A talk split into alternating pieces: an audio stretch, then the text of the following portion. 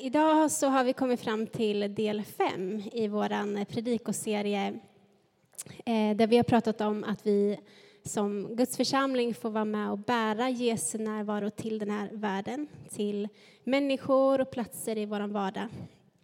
Och nu så ska jag fortsätta prata om eh, Jesu närvaro i gemenskapen, i församlingen. Och eh, innan Jesus lämnade lärjungarna så gav han dem löften om att alltid vara med dem eh, och att han skulle vara närvarande, fortsätta vara närvarande på ett särskilt sätt eh, i dem och ibland dem. I Johannes 14 och 17 så säger, Jesus Anden ska vara i er och förbli hos er. Och ett annat löfte som Jesus gav dem eh, är i Matteus 8 att där två eller tre är samlade i mitt namn, där är jag mitt ibland dem. Och jag tänkte på det här äh, när vi var ute på Hjälmagården i helgen, förra helgen här. Eh, och på lördagmorgonen där så samlades vi alla tillsammans. Det var trångt eh, och alla eh, ja, men olika åldrar och så började vi sjunga väldigt enkelt om vem Jesus är. Och då kände jag bara hur tårarna började rinna och jag blev påmind om hur vacker eh, församlingsgemenskapen är och eh, men att det verkligen är en plats där Jesu närvaro ofta blir väldigt påtaglig för oss. Och eh, jag tänker att eh, vi ska dyka ner i texten på en gång. Så ni får gärna följa med till Apostlagärningarna 4, 32-27.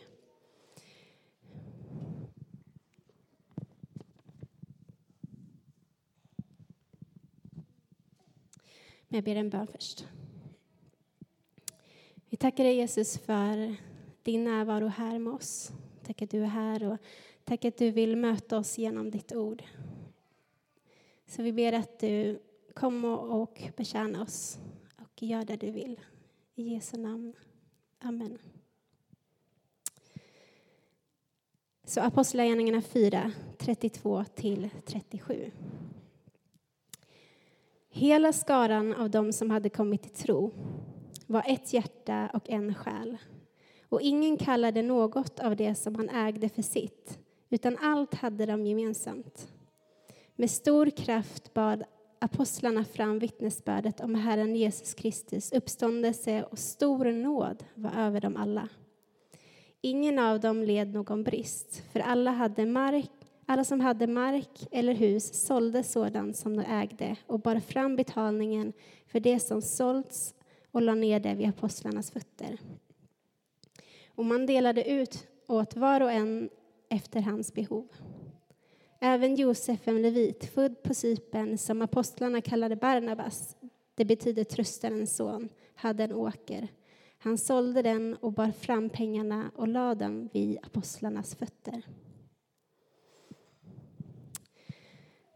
Så den här texten kommer precis efter den här berättelsen som både jag och eh, Erik har eh, pratat lite om. att det är en lam som har blivit botad och, och eh, han springer runt i templet och det blir stor uppståndelse i hela Jerusalem för att han är botad, den här lama mannen. Och eh, det väcker motstånd i, eh, bland ledarna men de ser många komma till tro i Jerusalem.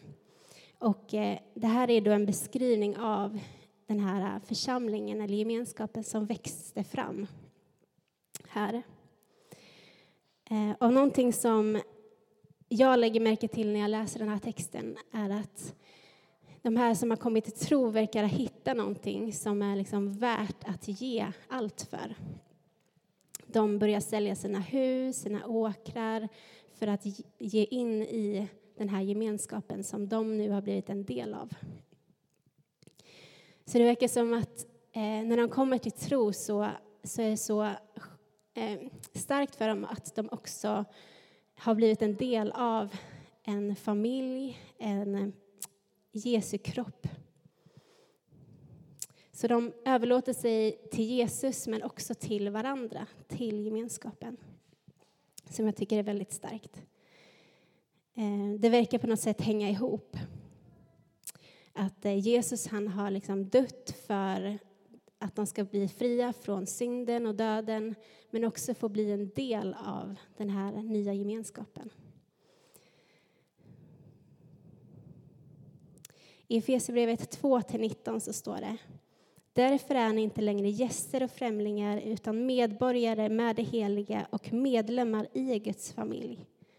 Och i Korinthierbrevet, första Korinthierbrevet 12, 12-13 står det Ty liksom kroppen är en och har många lemmar men kroppens alla lemmar och det är många utgör en kropp. Så är det också med Kristus. I en ande har vi blivit döpta för att tillhöra en kropp vare sig vi är judar eller greker, slavar eller fria, och alla har vi fått del av en och samma ande utgjuten över oss. Så den här skatten som de har funnit i Jesus eh, och den här gemenskapen, det hänger ihop på något sätt. Och i den här rörelsen mot Jesus och också mot den här troende gemenskapen så är det så att någonting också händer att det står att de blir som ett hjärta och en själ. Så de är olika åldrar, olika bakgrunder, men de blir som ett hjärta och en själ. Och det var ju precis det här Jesus hade bett om i Lukas 17 Eh, till 20-23, att både lärjungarna och de som kom till tro eh, genom dem skulle vara ett. Jag ber i Jesu bön här. Men jag ber inte bara för dem, utan även för dem som kommer till tro genom deras ord. Att de ska vara ett, så som Fadern är i mig och jag i dem. Jag ber att de ska vara i oss så att världen tror att du har sänt mig. Den härlighet som du har gett mig, den ger jag till dem, så att de ska vara ett. Jag är dem och du är mig, så att det fullkomnas till ett. Så ska världen förstå att du har sänt mig och älskat mig älskat dem så som du har älskat mig. Det är så fantastiska ord här att du har älskat dem så som du har älskat mig.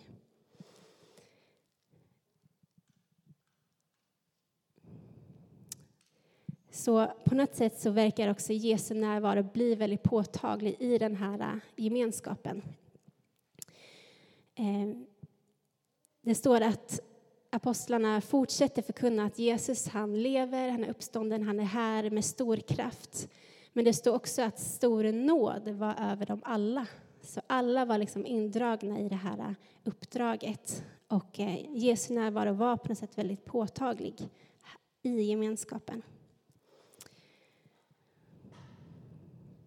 Och det här påminner mig om första gången eh, författaren började eh, beskriva eh, den här gemenskapen efter apostlarna har börjat predika att Jesus är uppstånden precis i början av apostlagärningarna. Där det också står om hur de överlåter sig till varandra, till gemenskapen, bönen, lovsången. De bryter brödet tillsammans och får uppleva en sån glädje i gemenskapen Eh, och tillbedjan. Och då står det också att Herren lät människor komma till tro varje dag. Så det, det är som att det händer någonting i den här rörelsen när vi eh, överlåter oss till varandra och till Jesus så är det som att andra människor dras med i den här rörelsen. Och eh, när man läser vidare så fortsätter det här att människor kommer till tro och de får fortsätta leva i den här spänningen av att både vara väldigt omtyckta men också väldigt förföljda. Och på något sätt så låter de tron få kosta. Eh, både att liksom överlåta sig till Jesus och till varandra, att det fick kosta.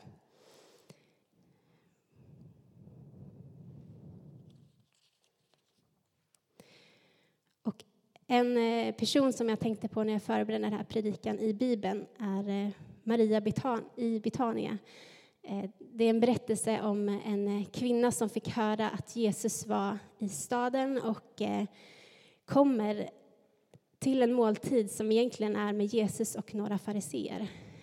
Och så hon är egentligen inte helt välkommen där, för att de ser henne som en synderska. Men hon har tagit med sig det dyrbaraste hon har, en olja som är värd jättemycket pengar och hon går fram till Jesus och börjar hälla ut den här oljan över Jesus fötter och eh, ja, stryker hans, hennes hår, hans fötter med hennes hår. Eh, och eh, de här fariséerna omkring börjar ifrågasätta hur Jesus ens kan tillåta det här. Eh, men så säger Jesus, så verkar Jesus så berörd av det den här kvinnan gör. Och han säger till farisén att den som har blivit förlåten mycket älskar mycket. Så det verkar som att kvinnan förstår vilken skatt eh, som finns i Jesus. Har förstått att hon behöver förlåtelsen och förstå hur stor barmhärtigheten är som han eh, ger henne. Jag tror att det är så att när, när vi förstår vilken skatt vi har i Jesus, eh, hur stor hans nåd är och barmhärtighet är, så väcker det också en längtan att ge tillbaka, att ge allt vad vi har, både till Jesus och till varandra. Eh, och eh, jag vet inför eh, det här året 2020 så var det många som pratade om att ja, men det här är ett år som vi kommer få perfekt syn. Jag vet inte, Anna-Lena, hur det är, men i optikervärlden är det typ att 2020 det är perfekt syn, är det så? Amerika, okej, okay, okej, okay, så är det. Eh. men, men jag tänker att kanske har det här året eh, och pandemin eh, gjort att vi ser saker med lite andra ögon. Eh, lite som att när man vaskar fram guld, att man ser vad som är kanske viktigt och vad som inte är viktigt, vad som eh, ja, vad vi kan leva med, vad vi inte kan leva med och vad vi inte kan leva utan. Men jag tror att, eh, att kanske har vi fått börja se gemenskapen och vår relation med Jesus med nya ögon. Och det kan ju vara på både gott och ont. Eh, men jag, jag tror att Gud vill hjälpa oss att se Eh, vilken skatt vi har i Jesus och också i gemenskapen. Ehm.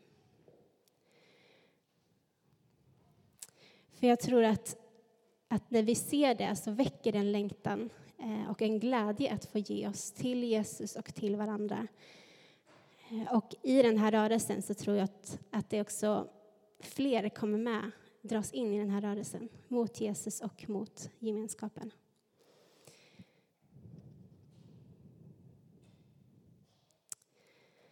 Och eh, ja, men kanske kan vi bli lite mer ett hjärta och en själ. Jag tänker att det skulle vara fantastiskt om någon utifrån kom till vår gemenskap och sa att ja, men de var som ett hjärta och en själ och eh, stor, liksom, stor kraft och nåd vilade över dem alla. Och jag tror också det finns en utmaning till oss att, att idag också att låta tron få kosta. Att, eh, ja, att det kanske kostar att överlåta oss till Jesus och till varandra. Och vi kanske får frågor omkring oss, att vad är det vi egentligen lägger vår tid på? Är det värt det? Men då tror jag att, eh, att Jesus bara vill säga att det rör vid honom, oavsett vad människor tycker och tänker. Så när vi överlåter oss till honom och till varandra så rör det vid Jesu hjärta. Det rör vid honom. Ja, vi, vi ber.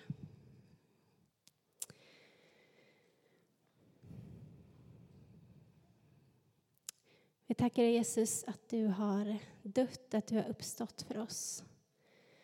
Jag tackar dig att du har gett allt för oss.